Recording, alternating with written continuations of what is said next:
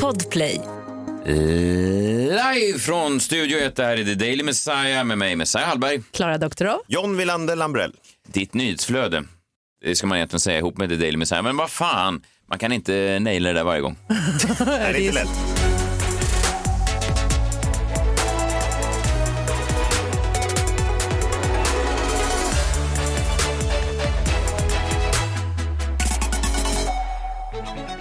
Det är tisdag, det är november, man kan ha så otroligt mycket kul i, i november. Har ni haft något eh, kul, eh, Klara och Jan? Men alltså, november är ju en enda liksom, mm. startbana för december. Ja, exakt. exakt. Men så otroligt mycket kul kan man ha.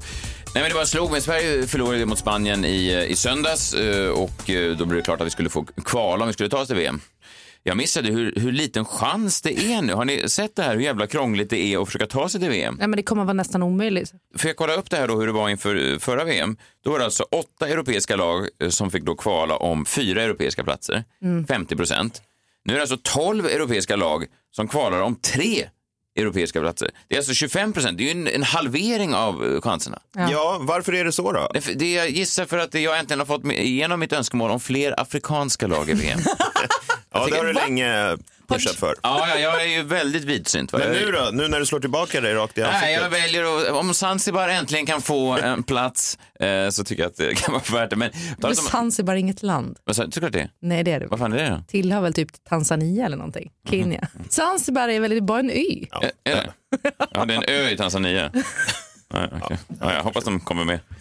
Ändå. Ja. Men det är kanske är därför alla öar får vara med nu. Det är kanske är därför Aha. Europa får färre platser. Men då kan Gotland vara med och tävla.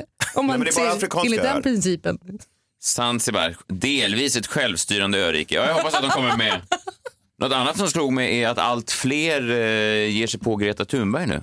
Jaha. Mm. Men det, är ganska, det är fler och fler krönikörer som skriver så att Greta borde komma med svar istället för bara skrika och vara arg. Ja, vinden har vänt lite grann. Ja, men lite. Hon är, hon är myndig och så vidare. Allt fler krönikörer då, svenska krönikörer som säger så här att nu, nu Greta, nu är hon vuxen. Nu kan du inte bara uppmuntra eh, någon slags anarki, anarkistisk hållning, utan då måste du även komma med några svar. Men jag förstår inte riktigt det där. Alltså jag lyssnade på P1 och då pratar de nu om att så här, eh, för första gången på väldigt länge så har Kina och USA visat någon slags common ground och att de har närmat sig lite i klimatfrågan. Men, men man, det är så här att vi ska vara glada över att de ens har kunnat tagit ett möte utan att börja bråka. Alltså det är, för, det är för slappt. Man kan ju kritisera Greta hur mycket man vill såklart. Hon är ju hon är vuxen, det borde hon ju kunna ta. Men jag tänker bara, hon är, vad är hon, 18-19 år? Jag tänker när jag var i den åldern då, då jobbade jag på ett hunddagis eh, för att få ut min a-kassa. Jag vet inte hur mycket det förbättrar världen. Jag tycker ändå att fortfarande man måste ändå hålla henne, alltså hon är ingen politiker. Hon bara, hon, hon, Paus. Ja. Vadå, du hade arbetsplatsträning, ja, eller vad precis. heter det? Ja, just det. Eh, på ett hunddagis. Ja, det... För att annars skulle du inte få ut a-kassa. Nej, precis.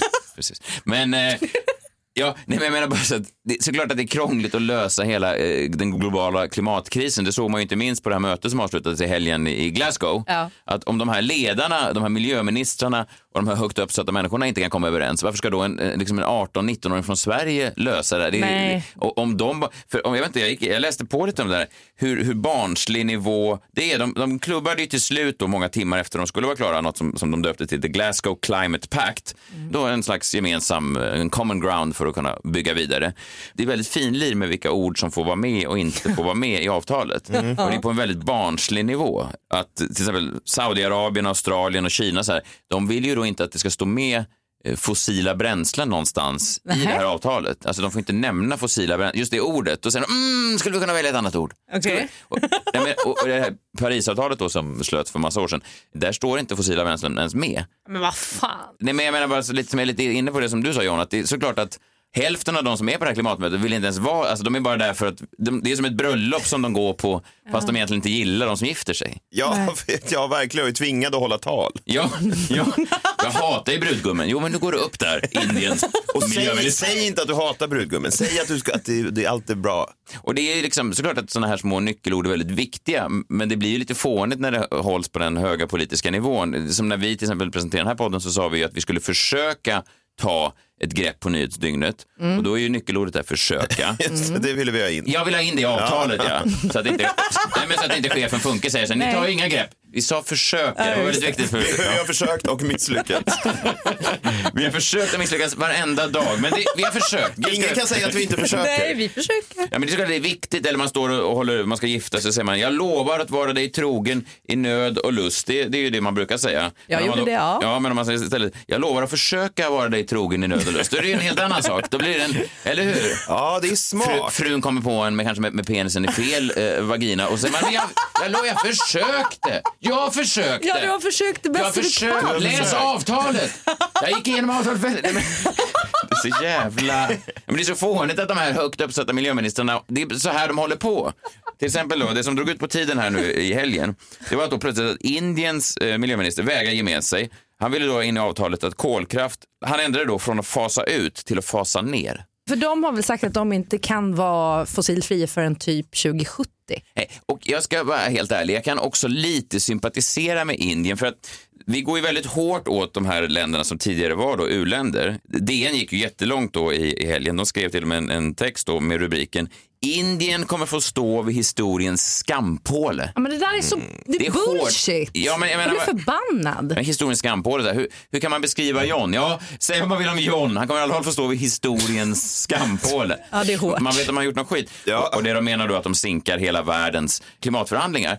Samtidigt kan man ju förstå då, för det vi har gjort då i alla i-länder, alla- det är att vi har använt upp jordens resurser. Ja. Och sen när Indien och Kina, de här människorna, börjar få sina jävla torktumlare, då kommer vi säga, nej men vi har, vi har torktumlat som fan ska ni veta. Ja, ja. Så ni, Så ni får inte. Vi kan inte börja torktumla nu. Nej. och, och de är ju tokiga nu i Mumbai, i torktumlarna till exempel. Det jag fattar hört. Och är- är mixerapparater och de gör smoothies. Klart man vill göra det. Ja, man vill göra det? Det har ju vi gjort i hundratals år här borta.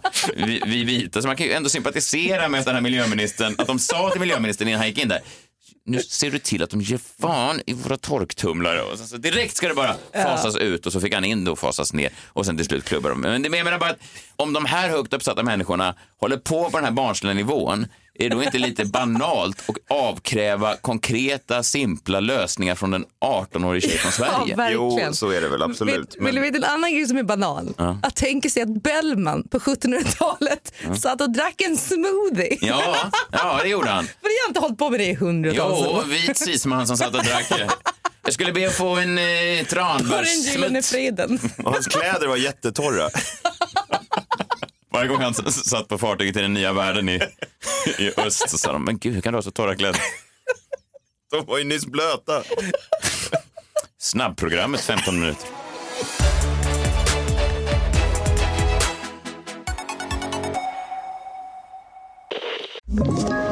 Ett poddtips från Podplay. I fallen jag aldrig glömmer djupdyker Hasse Aro i arbetet bakom några av Sveriges mest uppseendeväckande brottsutredningar. Går vi in med hemlig telefonavlyssning och, och då upplever vi att vi får en total förändring av hans beteende. Vad är det som händer nu? Vem är det som läcker? Och så säger han att jag är kriminell, jag har varit kriminell i hela mitt liv men att mörda ett barn, där går min gräns. Nya säsongen av Fallen jag aldrig glömmer på Podplay.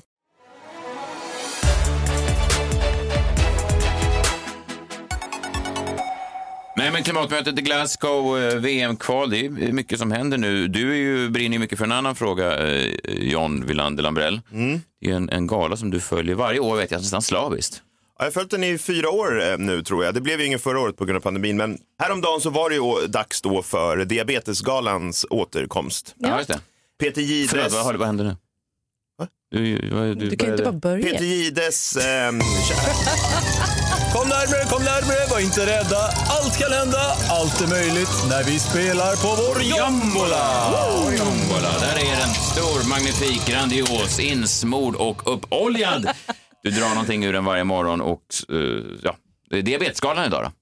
Titta inte sådär på mig. Just det. Ja. Nej men det, Diabetesgalan är ju Peter Gides kärleksbarn kan man ju säga. Han gör ju inte bara, han gör ju gala varje år och sen gör han ju olika program då om diabetes. Han tycker det är viktigt att det ska vara fokus på det. Eftersom att, ja men lite som det är fokus på barncancer, Barncancergalan och, och, Musikhjälpen har väl lite annat och sådär. Han tycker att det ska vara fokus på diabetes. Och han har ju genom åren, Peter Gide, då brottats med det han allra helst vill. Och det är ju att ha in då kändisar på den här galan.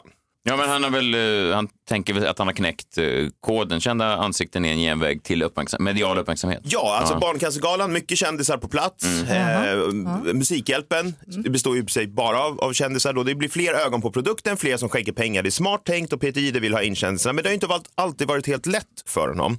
Det började med att han skulle ha dit kändisar på liksom röda mattan innan själva galan för ett par år sedan. Och han tänkte väl att de som dyker upp på den här röda mattan kanske har diabetes. Varför skulle de annars gå på galan? Så vi kan höra bara några som intervjuades på röda mattan här om året när han anordnade galan. Hej Doreen. Hej. Men eh, du är här då på Diabetesgalan. Och hur känns det? Vad tänker du om ikväll? Jag tycker att det ska bli väldigt spännande och väldigt fint att det finns en gala. Jag har inte varit jätteinsatt i diabetes, men har en kompis som har en dotter som har det. Så var även Björn och eh, hans eh, fru Margareta Ranelid eh, där. Vi kan lyssna på dem sen. Diabetesgalan, vad har ni för förväntningar inför kvällen? Att svenska folket får lära sig om sjukdomen. Jag kan säga att jag har varit skolsköterska i 31 år. Som har heter, haft patienter som, eller elever. Ja, det har jag haft och det, det, det, det är inte lätt.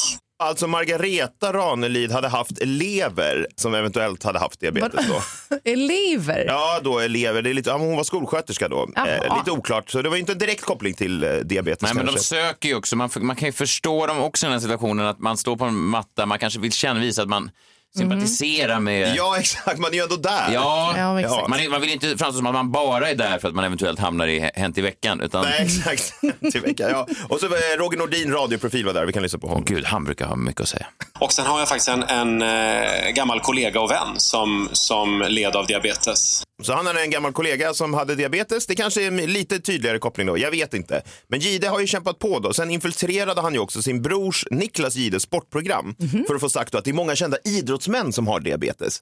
Eller? Första som jag träffade i Sverige och eh, känner är ju Per Zetterberg, fotbollsspelaren, eh, som, eh, som spelade med diabetes typ 1. Tittar man på hockeyn också, och bakåt i tiden, Bobby Clark är ju en spelare, det var ju färg också, inte lika mycket kanske, men en färgstark profil var han. Hur svårt tror du det var att leva med diabetesen och Ja, spela men här backar du ju ytterligare 10-15 år när han var som bäst, mitten av 70-talet i, i Broad Street Bullies i Philadelphia. Det var alltså den idrottsmannen han hittade var ju då någon kille som spelade hockey på 1970-talet Jaha. med diabetes. Då. Ja, men det är ju ett tydligt exempel. Men jag tror att Gide hade hoppats på kanske någon, någon som var igång idag, som Ja. Lite inte mer visste vem aktuell. det var. Ja, Ja. någon mer Ja. aktuell. Ja. Mm. Så han fick ju liksom kämpa på. Och till året därpå då, då insåg han, Gide, då, att kändisarna inte behövde ha diabetes. Nej. Alltså han övergav det liksom. Okej. Utan Gide tog till lite andra metoder. Jag läser från en Aftonbladet-artikel här. Laila Bagge tvingades testa att leva med diabetes. Till Diabetesgalan ville Peter Jihde visa hur det verkligen är att leva med diabetes. Därför utmanade han Laila Bagge att leva som diabetiker under ett dygn med spruta och allt. Via sms fick hon ständigt instruktioner och besked om sin blodsockernivå. Sprutorna hon tog var fyllda med koksaltlösning. Det var mer för att göra det så realistiskt som möjligt, men hon råkade ut för det som är vanligt bland diabetiker, allergiska utslag. Hon säger, det kliade överallt och det blev bara värre och värre. Till slut tänkte jag, nej, nu vill jag inte ta den här jävla sprutan längre, säger Laila Bagge. Så det Peter Jihde gjorde då var alltså han kokade alltså ihop någon egen kemisk lösning som han sedan injicerade i Laila Bagge. Eh, för att visa då på att han gav ju henne liksom någon slags skendiabetes då. Just det, en, eh, en kulturell appropriering av, av diabetes. Då. Det är väl det det. Ja. Men han testar ju nya, han fick ju ändå in Laila Bagge här Ja, på ett ja, sätt. ja. Eh, En kändiskoppling till diabetes. Och under själva galan sen så använde han eh, ännu ett trick när han tog upp två kändisar på scen. Från en nallebjörn till en annan. För jag har fått sällskap av världens starkaste björn, Bamse. Bamse är eh, inte bara Bamse utan också en diabeteshjälte. För tillsammans med bästa polaren Lille Skutt och Lill-Mickel så vad fan är det här? Nej men Gide kom på att han kunde använda animerade kändisar. alltså de kan ju inte säga ifrån. Nej. Som andra, om Laila har- Bagge kan ju säga så här, nu vill jag inte ha den här sprutan längre. Nej, plötsligt förstår man Lille Skutts tårar. ja, han, han har ju blivit injicerad med den här lösningen av Peter Gide också. Stackars lill-Mickel. Ja, det var ju taskigt. Och, eh, på den här galan då för ett par år sedan så arrangerades också auktioner. Alltså kändisar ger någonting som man kan sam- buda på då. Det blev inte så lyckat heller, för det var en NHL-spelare som var med, och hockeyspelare, Oliver Ekman Larsson. Eh, man trodde han kanske skulle auktionera ut en hockeyresa eller något sånt, men istället kunde man bara bjuda på en puck och Jesper Parnevik auktionerade ut en av sina gamla klubbor och sånt där. Det var liksom ingen eh, succé. Men då till årets gala som gick av stapeln häromdagen. Gide hade lyckligtvis då inte gett upp hoppet om att få in en kändiskoppling till diabetes. Han kom på flera nya knep då, bland annat det här. Vi lyssnar. Jag har haft den stora äran att leda en tv-sänd diabetesskala tre gånger tidigare i Sverige. Men nu ska vi tillsammans ta kampen mot diabetes upp på en helt ny nivå. For i år der er Sverige, Norge og Danmark gået sammen. Et skandinavisk samarbejde med et stærkt ønske. Och øke kunskapen om diabetes. Fra Oslo og det gamle biblioteket tar godt imot kveldens programledere. Rikke Göransson, Iman Meskini og Peter Gide. I år har ju då Gide kommit på att han kan använda utländska kändisar.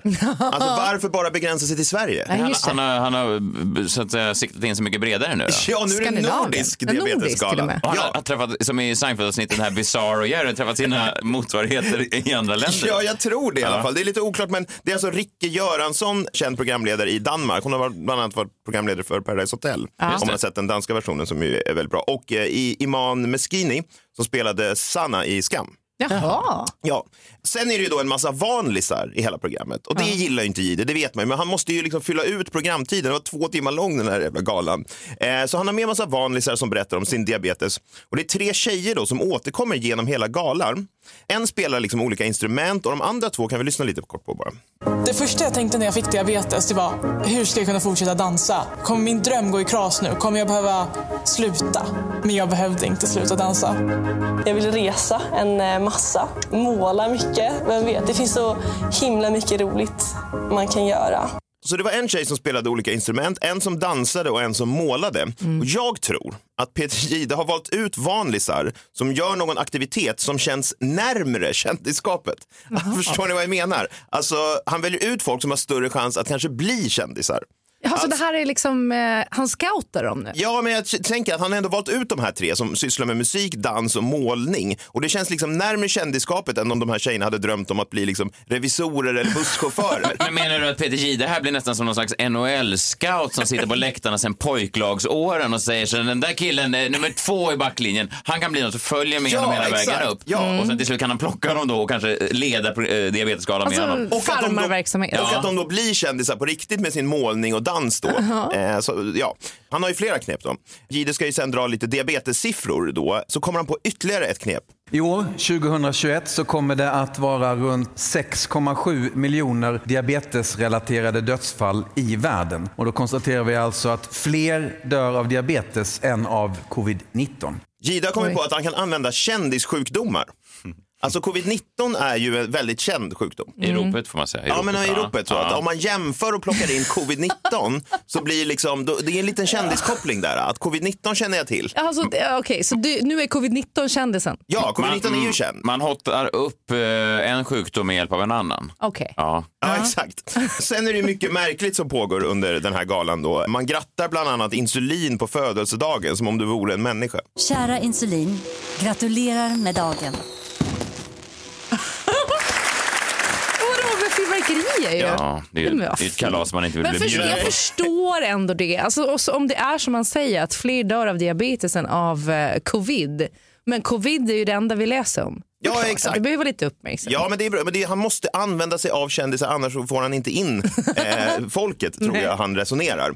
Men det konstigaste då sker mot slutet när Peter Gide arrangerar någon slags landskamp i diabetes.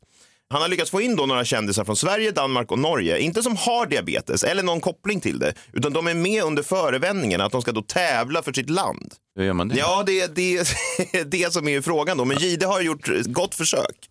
För Sverige är det då Morgan Alling, Mikael Tornéus och Ellen Bergström. Jag vill bara triggervarna här lite grann för att när man ägnat så många år som Peter Gide har gjort då för att få ihop kändisar och diabetes så är det kanske inte så konstigt att man blir lite galen till slut. Jag menar, jag håller nästan på att bli galen bara genom att följa alla år av diabetes och eh, liksom galor. Men för det som följer här, det är då eh, Gides landskamp och det är också en minut rent vansinne. när då Peter Jihde presenterar sin diabetesstafett. Är lagen är klara Peter? Jajamensan, de verkar helt redo och jag också. Sista deltävlingen alltså en stafett uppdelad i tre stycken etapper. Den första här framför mig. Det gäller att med bokstäverna på bordet etablera en diabetesrelaterad mening. När du är klar med den så tar du dig vidare i banan. Då handlar det om blodsockerkurvedelen. Och här gäller det att ta den här öglan genom den strömförande banan. Och så sist men definitivt inte minst så växlar man över en gång till och då vet ni att insulinet ska ta sockret in i cellen. Det är ju vad det handlar om. Så att vad gör Norge? De just nu transporterar de socker med hjälp av insulin in i... Nej! Ner på golvet och Sverige och Danmark har fortfarande chansen. Sverige ute i blodsockerbanan. Men Norge tar en ny! Men vad är det som- har han byggt den Vad är det banan själv? Ja, han har byggt en diabetesstafett. Men det låter ju jätteroligt. Ja, man vill se, kan vi inte lägga upp bilder på det här på The Daily. Messiahs Ja, Instagram? men det är ganska skrämmande. Ja. Alltså, det är, det, han har ju liksom landat i någon slags vansinne här. Han har gjort någon slags blodsockerbana. Man ska skjuta insulin på varandra. Det är helt sjukt liksom. Men en sak är säker, så länge jag lever kommer jag att fortsätta följa Peter Jihdes jakt på kändisar med diabeteskopp.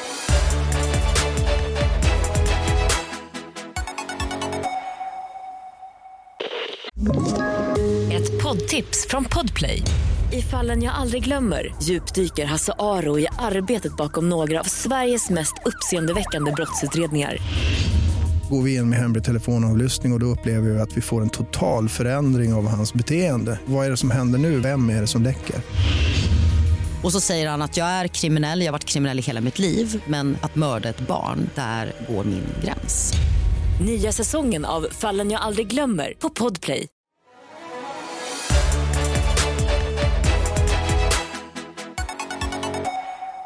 Jag fråga dig en fråga då John?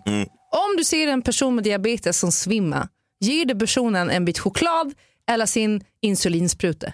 Jag letar upp en kändis. så fixar de. Ja, rätt svar är ju choklad bara så alla lyssnare vet det. Annars hade du tagit död på personen. Och det hade du förmodligen gjort också medan du letade upp din jävla kändis. Vad, vad menar du? Eh, Om, om man ser någon som, som ramlar ihop Ja, men av det, diabetes? här, det här vet ju inte folk. Jag Nej. tycker ändå att vi borde lägga till det för det är public service. Ja. En person som svimmar av lågt blodsocker som har diabetes Ja. behöver inte insulin för då tar du död på personen. Okej, nu spelar jag The Village Idiot här. eh, Som jag, du, Ja. du visste inte det här. Nej, men jag, vet ing, jag vet faktiskt ingenting om diabetes. Nej. Men det är väl därför galen behövs. I rest my case. Jo, jo, nej, nej, men det är jättebra. Men, men, eh, okej, men varför går de då runt, varför verkar de vara så förtjusta i insulinsprutorna? Men jag vet inte. Det, Nej, det är väl som han så. säger i den här blodsockerbanan att insulinet hjälper att hålla en jämn blodsockernivå. Vad vet jag? Vet du vad, du kan vara med i nästa års diabetesstafett hör jag. Ja! Peter Jihde, ring mig. Jag vet inte om ni har märkt någonting på mig eh, idag. Jag har ju varit lite sådär eh, hetsig, lite ryckig, mitt hår är lite rufsigt. Jag kom ju precis från kriget kan man säga. Vadå krig? Ja, exakt. Ett slags krig. Jag har ju varit... Uh, oh, gud, det är inte Bagdad, men det var nästan som att jag kom direkt från Bagdad. Nej. Jo, jag var i Karlstad.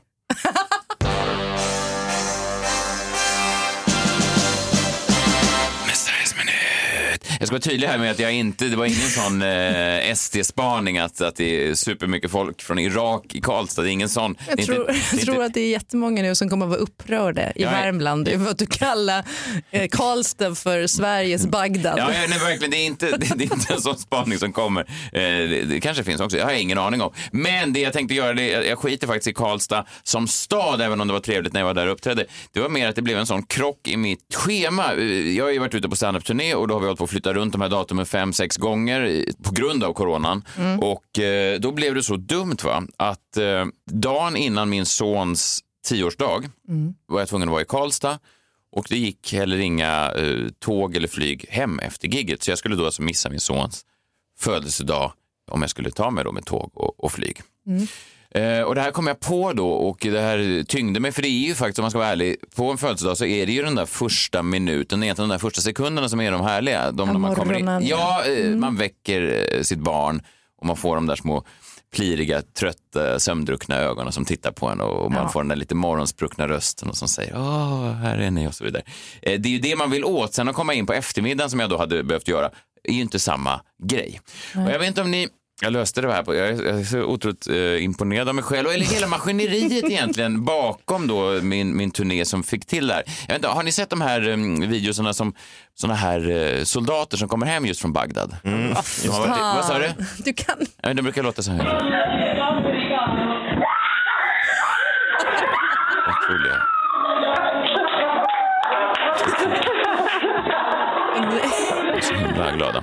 Och det som hände då var att jag lyckas då få tag i en eh, privatchaufför som eh, stod då i garaget precis vid sidan av scenen. Så när jag var klar i Karlstad Mm. så gjorde jag så. Jag sa ingenting eh, till min fru, sa ingenting till min son, utan eh, jag hade ordnat det där i smyg. Det blev klart på någon timme innan gigget och sen så åkte jag hem då på natten till Stockholm. Eh, och det var, jag var så jävla pepp och jag kände mig precis som de här soldaterna. Att jag, jag visste ju vad som komma skulle. Liksom. Jag visste ju att snart kommer jag vara hemma och de kommer tappa det och så vidare. Kommer, Ja. Jag spelade till och med in mig själv i bilen, eh, hur det lät, liksom, just för det var så jäkla spännande. Jag var hög. här, Vi kan lyssna. Jag har precis eh, hoppat in i, eh, i bilen här på väg mot, gud, mot Stockholm. Jag lämnar Karlstad nu och eh, ja, fan, sjukt att man att, att det här blev av, att, att man klarar av att göra det. Jag hoppas de blir glada nu när man, när man kommer hem. Det är ingen som vet om det här.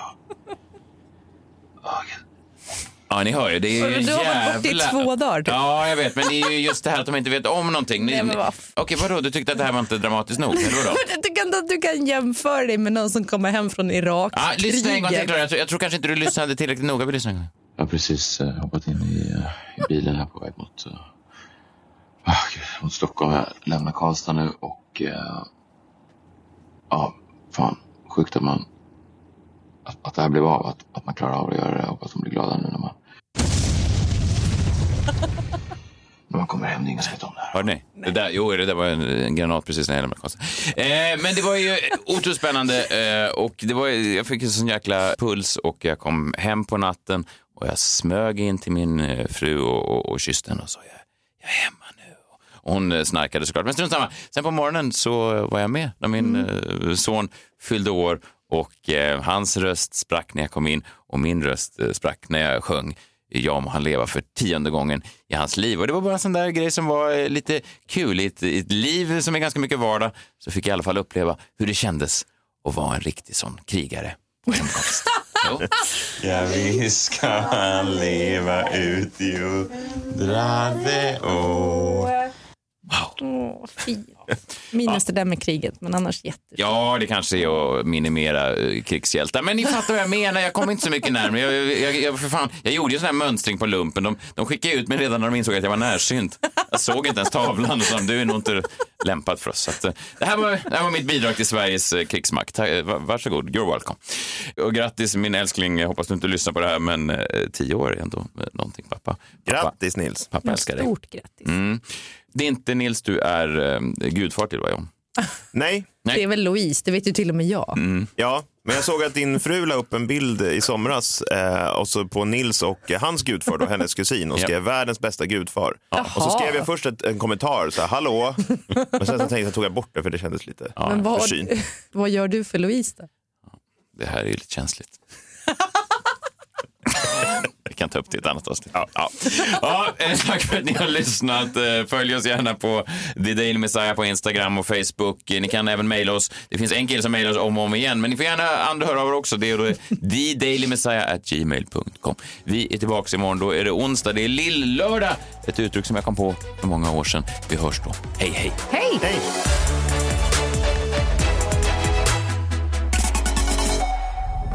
Podplay, en del av Power Media. Ett poddtips från Podplay. I fallen jag aldrig glömmer djupdyker Hasse Aro i arbetet bakom några av Sveriges mest uppseendeväckande brottsutredningar. Går vi in med hemlig telefonavlyssning och, och då upplever vi att vi får en total förändring av hans beteende. Vad är det som händer nu? Vem är det som läcker? Och så säger han att jag är kriminell, jag har varit kriminell i hela mitt liv men att mörda ett barn, där går min gräns. Nya säsongen av Fallen jag aldrig glömmer på Podplay.